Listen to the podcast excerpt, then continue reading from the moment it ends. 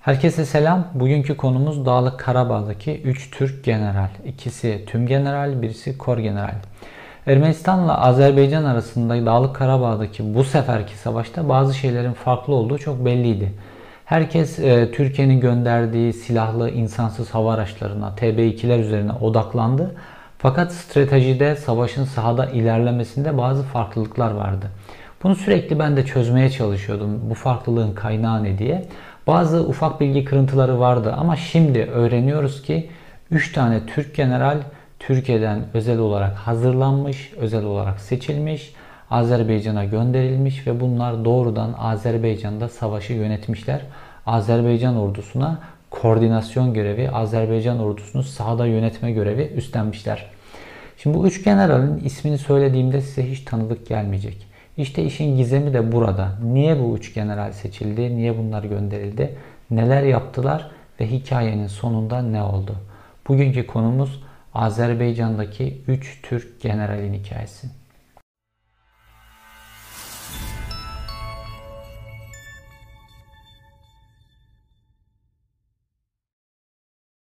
Bu üç generalden ilki ve en üst rütbelisi Kor General Şeref Öngay.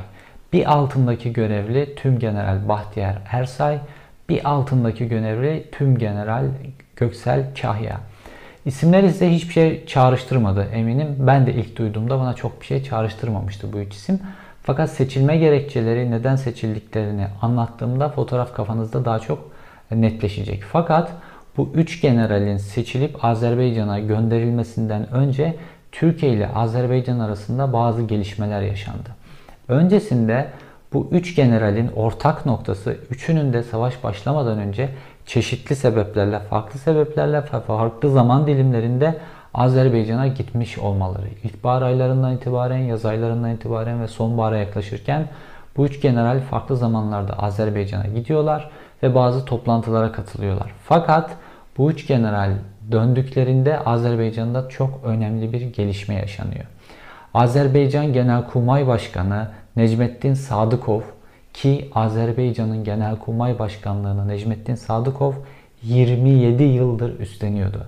27 yıldır Azerbaycan ordusunun değişmez Genelkurmay Başkanı Sadıkov bir anda görevden alındı ve öyle böyle bir görevden alınma değil. Ee, Rus basınında bazı Azerbaycan'ın muhalif basınında görevden alındıktan sonra tutuklandığı filan yazıldı. Fakat öncesinde Sadıkov'la ilgili bazı bilgiler Azerbaycan medyasında yansıdı ve bu bazı diğer ülkelerin medyasına da yansıdı. Mesela Sadıkov'un bir akrabasının Rus ordusunda görevli olduğu hatta e, görevli olduğu birimin e, Dağlık Karabağ bölgesine yakın bir yerde olduğu, orada kontrol görevi üstlendiğine ilişkin bazı bilgilerdi. Yine ailesinin bazı fertlerine ilişkin bilgiler fakat en önemlisi Sadıkov'un 29 27 yıldır Genelkurmay Başkanlığı görevini koruyabilmesinin sebebinin arkasında Rusya'nın olduğu, arkasında Putin'in olduğu, bunların desteği ve Rus ordusunda yetişmiş bir subay geleneğiyle geldiği için ve Rusya ile Azerbaycan arasındaki sıkı ilişkiler, iki ülkenin birbirine asla ters düşmemesi gibi sebepler nedeniyle Sadıkov'un 27 yıldır görevde bulunduğu yazılıyordu. Fakat aniden bir şey oldu ve Sadıkov koltuğunu kaybetti. Sadıkov'la ilgili Türkiye'nin bakış açısı ise şöyle. Şimdi Türkiye ile Azerbaycan ordusu arasında çok sıkı ilişkiler var. Bunlar işte silah alım satımı, teknoloji transferi, e, teknolojik gelişmelerin birbiriyle paylaşılması ve Türk ordusu ile Azerbaycan ordusu arasındaki en sıkı ilişki ise eğitim ve işbirliği anlaşması çerçevesinde yürüyen ilişki. Ayrıca iki ülke e, çok yakın bir vadede Abdullah Gül'ün Cumhurbaşkanlığı döneminde bir anlaşma imzaladılar. İki ülke birbirlerinin toprakları işgal edildiğinde kendi toprakları işgal edilmiş gibi reaksiyon göstermek üzere bir anlaşma imzalamışlardı. Fakat esas dediğim konu e, önemli olan iki ülkenin eğitim ve e, askeri eğitim anlaşması. E, Azerbaycan ordusunun subayları Türkiye'ye geliyorlar öğrenci subaylar seviyesinde ve Türkiye'deki harp okullarından mezun oluyorlar. 4 yıl Türkiye'deki harp okullarında eğitim alıyorlar. Ondan sonra Azerbaycan ordusuna dönüyorlardı. Yıllar içerisinde Azerbaycan ordusunda bu şekilde Türkiye'de harp okullarında eğitim alıp Azerbaycan ordusuna dönmüş subayların sayısı arttı. Fakat bu subayların kritik noktalara gelmeleriyle ilgili bazı problemler yaşanıyordu. Bu Azerbaycan ordusunun kendi içerisindeki tercihler olabilir, o subayların yetenekleri olabilir, sonra görevdeki performanslarıyla ilgili olabilir. Bunu bilmiyoruz. Fakat Türkiye tarafının bakış açısı şuydu. Ee, Azerbaycan'ın 27 yıllık Genelkurmay Başkanı Sadıkov'un Türkiye'den bu şekilde eğitilip gelmiş subaylara mobbing uyguladığı, onları kritik görevlere e, getirmediği ile ilişkin bir bakış açısı vardı. Ve Türkiye açıkçası Sadıkov'un değiştirilmesini istiyordu. Ve nihayetinde bu üç generalin Ermenistan'la e, Dağlık Karabağ'daki savaşın başlamasından önceki ziyaretlerinin hemen ardından 27 yıllık Genelkurmay Başkanı'nın tutuklanma iddiası da dahil olmak üzere böyle de biraz skandalvari biçimde böyle apar topar görevden alınması çok ilginçti. Ve Genelkurmay Başkanı görevden alındıktan sonra Türk ordusuyla Azerbaycan ordusu arasındaki ilişkide bir anda ivme kazandı ve Türk subaylardan çok sayıda subay Azerbaycan ordusuna giderek aktif görevlerde bulunmaya başladılar ki bunların aktif sayısının askeri danışman statüsünde olduğu söyleniyor. 200'ün üzerinde olduğu belirtiliyor. Fakat bu 3 tane general son derece önemli. Şimdi bu 3 generale tek tek bakalım ve bu 3 generalin Dağlık Karabağ'da süren savaştaki rollerine odaklanalım.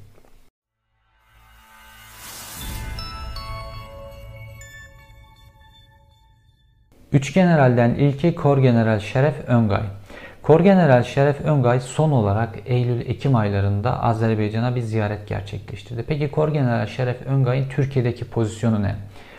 Kor General Öngay Türkiye'de 3. Ordu Komutanı. Erzincan'da konuştuğu bulunan son derece büyük bir ordu. Türkiye için son derece kritik bir ordu ve bu orduyu yönetiyor.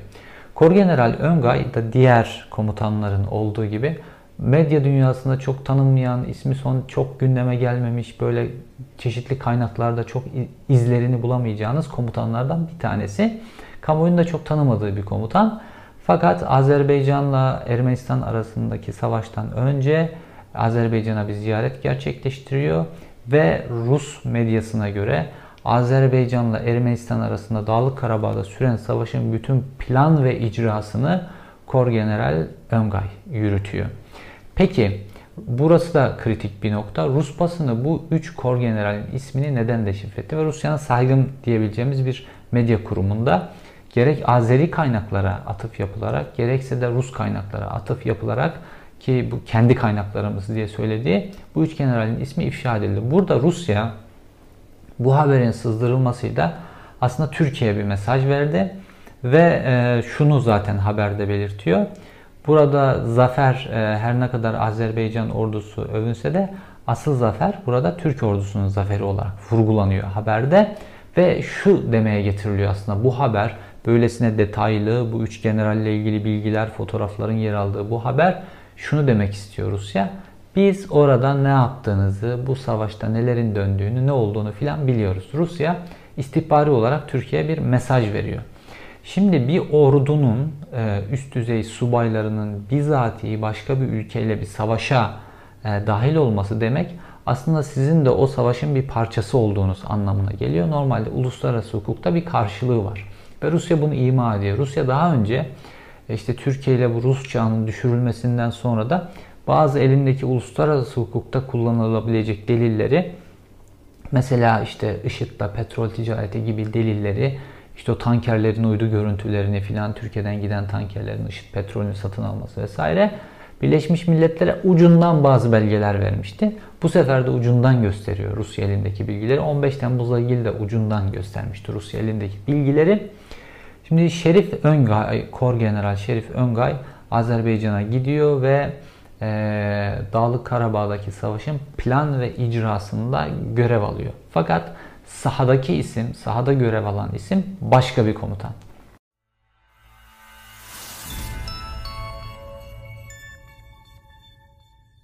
İki numaralı komutan Tüm General Bahtiyar Ersay. Şimdi bu isim de bize yabancı bir isim, kamuoyunun çok duymadığı bir isim. Tüm General Ersay'ı aslında böyle çok küçük kırıntı haberlerden biz Balyoz e, davasında ismini görüyoruz ve da, Balyoz davasında yargılanıyor ve 16 ay hapis cezası alıyor. Sonra işte Rus medyası bunu affedildi diye veriyor. Sonra işte beraat filan bazı süreçler var. Rus medyasına göre Bahtiyar e, Ersay'la hükümet arasında AKP hükümetini kastediyorlar. Bazı pazarlıklar ve bazı ilişkiler var. Fakat çok öne çıkan bir e, komutan değildi e, Bahtiyar Ersay. Fakat şu anda Türkiye'de bulunduğu pozisyon son derece önemli. Kara Kuvvetleri Komutanlığı Hareket Başkanlığı görevinde. Bu işte üç kuvvetin de hareket başkanları vardır. Kara Kuvvetleri Komutanlığı Hareket Başkanı da bunların içerisinde en önemlisidir. Ve Türkiye böyle son derece önemli bir komutanını Azerbaycan'a gönderiyor. Ve e, Azerbaycan'a gittikten sonra da savaşın öncesinde e, gidiyor e, tüm General Ersay ve savaş müddetince de Bakü'de kalıyor. Ve e, tüm General Ersay, e, Kor General e, Öngay'dan farklı olarak bizatihi harekatı yöneten isim olarak e, Rus medyasında Rusya'nın sızdırdığı e, enformasyonlar da var ve Bakü'de yerleşiyor, Bakü'de bulunuyor ve fakat Bakü'de bunun öncesinde yani savaşın öncesinde kritik iki tane merkez Azerbaycan'ın içerisinde inşa ediliyor. Bunlardan bir tanesi Bakü'de. Bunlar uydu haberleşme merkezleri. Bu uydu haberleşme merkezleri gerek sahadaki e, askerlerle haberleşmek gerekse de Türkiye ile e, haberleşmenin sağlıklı yapılabilmesi için oluşturuluyor. Ve bu iki merkezin komutası Azeri e, ordusunda değil doğrudan Türk ordusu tarafından yönetiliyor. Ve herhangi bir gerilim olduğunda da Türk ordusunun subaylarının yetkili olduğu belirtiliyor. Dediğim gibi askeri danışman e, kadrosundan 200'e yakın subayın olduğu yine Rus medyasına göre bir bilgi. Peki Bahtiyar Ersay, tüm General Bahtiyar Ersay alanda neler yapıyor?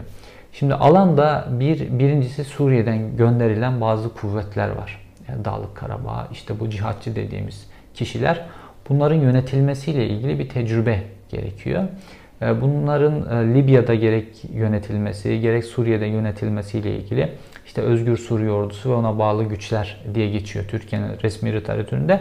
Türk ordusu bunda tecrübeli. Bunların nasıl yönetileceğini biliyor. Birincisi bu. İkincisi Türkiye'nin oraya gönderdiği e, işte e, üst seviyede teknolojik cihazlar var. Bunların kullanılması, planlanması ile ilgili bir konu var. Üçüncüsü de askeri tecrübe. Türk ordusu e, enteresan biçimde e, PKK ile sürekli mücadele ettiği için son derece zinde bir ordu. Sürekli orada bir harekat halinde olduğu için komutanların hemen hepsinde bir harekat tecrübesi var. Aynı şekilde Türkiye'nin dronlar e, ve dronlarla operasyonun yürütmesindeki tecrübesi de buna dayanıyor. Çünkü Türkiye dronları kendi toprakları içerisinde kullanan nadir ülkelerden. Afrika'da bir iki ülke dronları kendi topraklarındaki operasyonlarda kullanmıyor ama daha çok şov amaçlı olarak. Fakat Türkiye dronları işte PKK'ya karşı olarak gerek Kuzey Irak'ta Türkiye topraklarının dışında ama son derece sarp ve zor bir arazide Türk mühendisleri dronları kullana kullana son derece yetenekli hale gelmiş durumdalar. Çünkü pratikte bir çatışmanın içerisinde kullanıyorlar. Dolayısıyla bu tecrübenin orada bulunması ve bu tecrübeye de sahip bu yönetim komut yönetim yeteneğine de sahip bir harekat başkanının orada bulunması son derece önemli. Savaşın tamamen kaderini, stratejisini değiştirmek açısından e, Türk Silahlı Kuvvetleri bu paylaşımı da yapıyor. Az önce dediğim gibi bunların hepsinin uluslararası bir karşılığı var ve Rusya da bu sebeple bu bilgileri sızdırıyor. Şimdi gelelim 3. komutana. 3. komutan da son derece kritik bir komutan.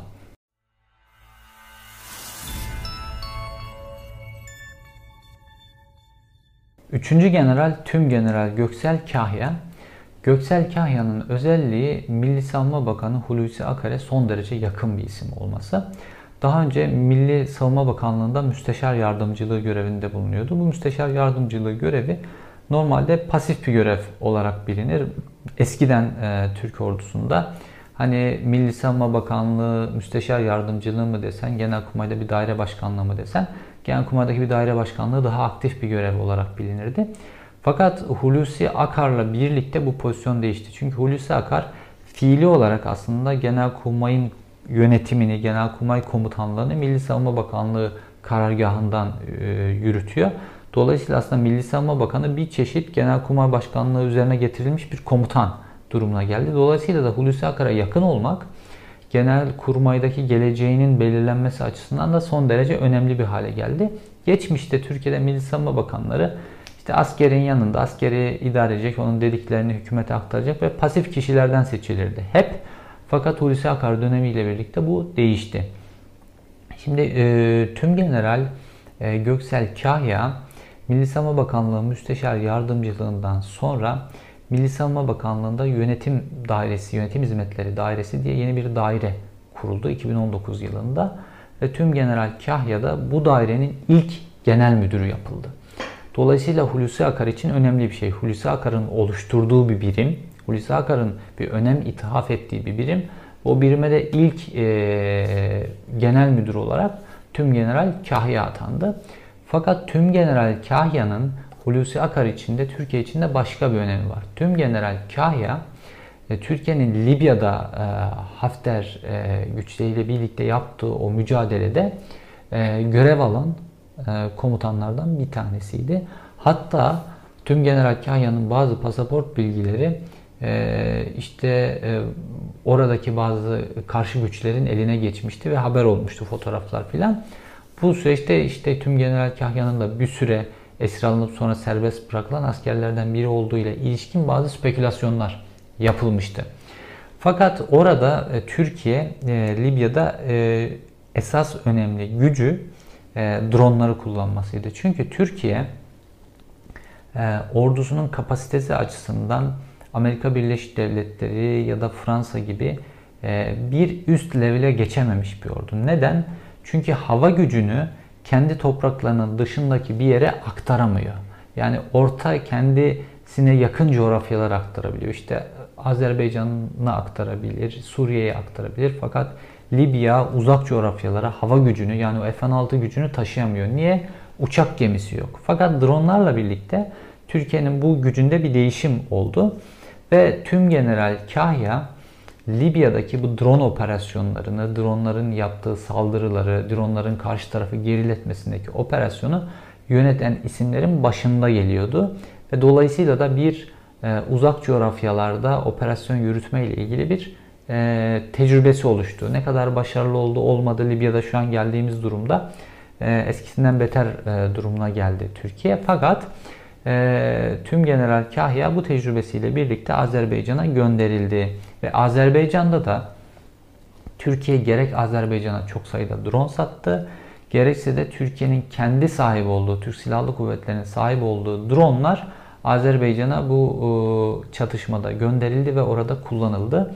Ve bu drone e, ordusunu, drone operasyonlarını yürüten isim de işte Tüm General Kahya'ydı. Çünkü Tüm General Kahya havacı bir general diğerlerinden, diğer iki karacı generalden farklı olarak. Peki Türkiye bu dronlarla birlikte neler yaptı orada? Biliyorsunuz daha çok TB2 dronlar kullanıldı ve işte bu dronların önemli kritik parçaları işte e, kullandığı roketlerdeki güdüm e, e, Almanya'ya ait, motor Ukrayna'ya ait, e, kamera sistemleri Kanada'dan e, ithal edilen son derece gelişmiş Kanada kamera sistemleri Dolayısıyla TB2'nin kullandığı teknolojiler e, dünyanın e, en iyi teknolojisini o alanda hangi ülke üretiyorsa oradan toplanıp bir araya getirildiği için TB2'nin kapasitesi belli bir oranda yüksek. Hani Amerika Birleşik Devletleri'nin sahip olduğu o çok üst düzey dronlardan, silahlı dronlardan biri olmasa bile e, kendi çapında önemli ve bu yakın coğrafya çatışmalarında kullanılıyor. Özellikle de Ermenistan gibi anti-drone teknolojilerine sahip olmayan ülkeler için. Bu dronlar e, Ermenistan ordusuna önemli e, ölçüde kayıp verdirdiler. Aliyev'in, Cumhurbaşkanı Aliyev'in e, söylediğine göre Ermenistan ordusuna 1 milyar dolarlık bir kayıp verdirdiler. Ve Aliyev Frans 24'e verdiği röportajda işte kaç tane Türk drone olduğu soruluyor. Yeterli miktarda bu stratejik bilgiyi vermeyeceğiz ama yeterli miktarda var. Ve Azerbaycan ordusu Ermenistan ordusuna bu dronlar sayesinde 1 milyar dolarlık bir kayıp verdirdi diye bir bilgi paylaştı. Şimdi 3 generalin hikayesi böyle ve 3 generalin bu savaşta aldığı roller böyle. Şimdi gelelim filmin sonuna doğru.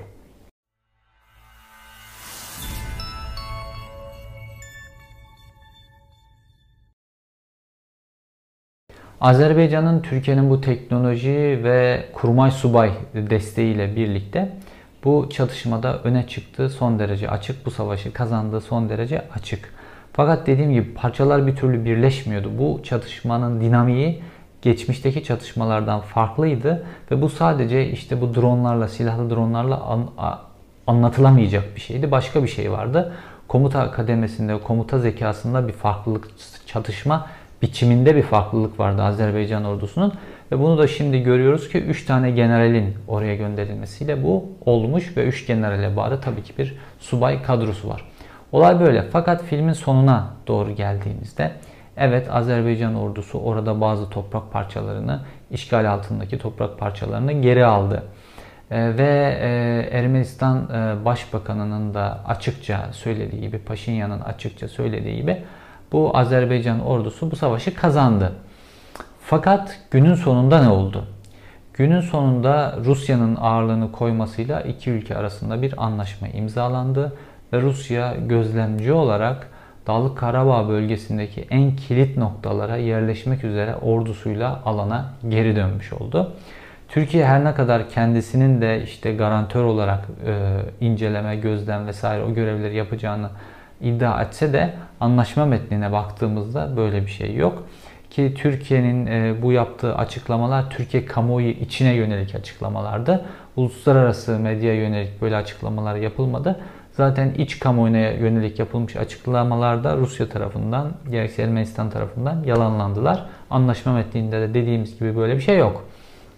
Sonuçta e, Türk ordusu Azerbaycan'la birlikte savaştı. Fakat masada kazanan Rusya oldu. Ve Rusya gelip oraya yerleşti. Türkiye'nin dibine neredeyse yerleşti. Ve e, sonuç itibariyle bir NATO partnerine son derece yakın bir noktada ki gücünü, mukavemetini daha da arttırdı. Normalde Rusya'nın orada bir üssü vardı. Fakat bunu daha da arttırdı. Şimdi gözlem noktalarıyla işte alanı kontrol ederek ve bu sefer hem Azerbaycan'ın hem Ermenistan'ın kabul ettiği bir anlaşmayla bu noktaya geldi. Fakat Ermenistan içerisinde de bazı şeyler oldu. Şimdi Ermenistan'ın e, mevcut başbakanı Paşinyan, Ermenistan'ın geçmiş başbakanlarından farklı olarak Batı ile ilişkilerini düzeltmek istiyor. Ve bu Batı ile ilişkilerini düzeltmenin yollarından bir tanesi de Ermenistan'ın işgal ettiği Azerbaycan topraklarından bir biçimde çekilmesi, bazı orta yolların bulunması ile ilgili bazı stratejileri vardı. Ülkesinin o kıstırılmışlığından, izolasyonundan, ülkesinin ekonomik olarak çökmesinden kurtulmayı bunu bir yol olarak biliyordu. Rusya ile ilişkileri olsa da diğer o milliyetçi başbakanlara nazaran Rusya ile daha mesafeli ilişkileri vardı. Fakat Paşinyan öyle bir noktaya düştü ki şu anda kendisi o kendi ordusu tarafından neredeyse bir e, darbeyle e, devrileceğine ilişkin haberler yayınlanıyor. Paşinyan son derece yıprandı. E, işte ülke kamuoyu içerisinde protestolara maruz kalıyor sürekli olarak ve, Ermenistan sorunlarını çözüp Batı ile entegre olacak. Belki de bu savaş ve işgal altındaki bu topraklar meselesi bir biçimde masada çözülebilecekken dünya bu alternatifi kaybetti. Çünkü Paşinyan'dan esas olarak rahatsız olan ülke Rusya'ydı. Ve onun stratejilerinden rahatsız olan ülke Rusya'ydı. Ve Rusya şu an Paşinyan son derece yıpranmış, hiçbir hareket kabiliyeti olmayan, artık bu planlarını e, hayata geçirme ihtimali pek bulunmayan bir lider haline getirdi Paşinyan'ı. Artık kendisi de bölgeye e, bir garantör ülke olarak kabul edilmiş bir garantör ülke olarak geri döndü. Şimdi bu üç tane generalin e, savaştaki rolleri önemli. Fakat bu üç general aynı zamanda da Türk ordusu içerisinde Avrasyacı dediğimiz kanata ait generaller ve Avrasyacı generallerin de bir biçimde Rusya ile ilişkilerinin son derece sıkı olduğunu biliyoruz. Şimdi günün sonunda masada kazanan ülkenin Rusya olduğunu gördüğümüzde ve bu üç generalin Avrasyacı olduğunu düşündüğümüzde Türkiye bu savaşın içerisine dahil oldu. Fakat buradaki üst düzey zeka nasıl işlediyse günün sonunda yine Avrasyacıların ve kazandığı, Rusya'nın kazandığı bir denkleme geldik. Türkiye para harcadı, Ermenistan para harcadı, insanlar hayatını kaybettiler. Batı yanlısı bir iktidar Ermenistan'da yıprandı. Sonuçta Azerbaycan çok az bir toprağını geri aldı. Fakat esas kazanan büyük güç Rusya oldu. Peki neden böyle ve e, Türkiye'nin son dönemde içine girdiği farklı coğrafyalardaki çatışmalarda Rusya'nın pozisyonu ne oldu? Günün sonunda neler oldu? Rusya neler kazandı, neler kaybetti? Türkiye neler kazandı, neler kaybetti. Belki bu da yeni bir videonun konusu olur. İzlediğiniz için teşekkür ederim. Bir sonraki videoda görüşmek üzere.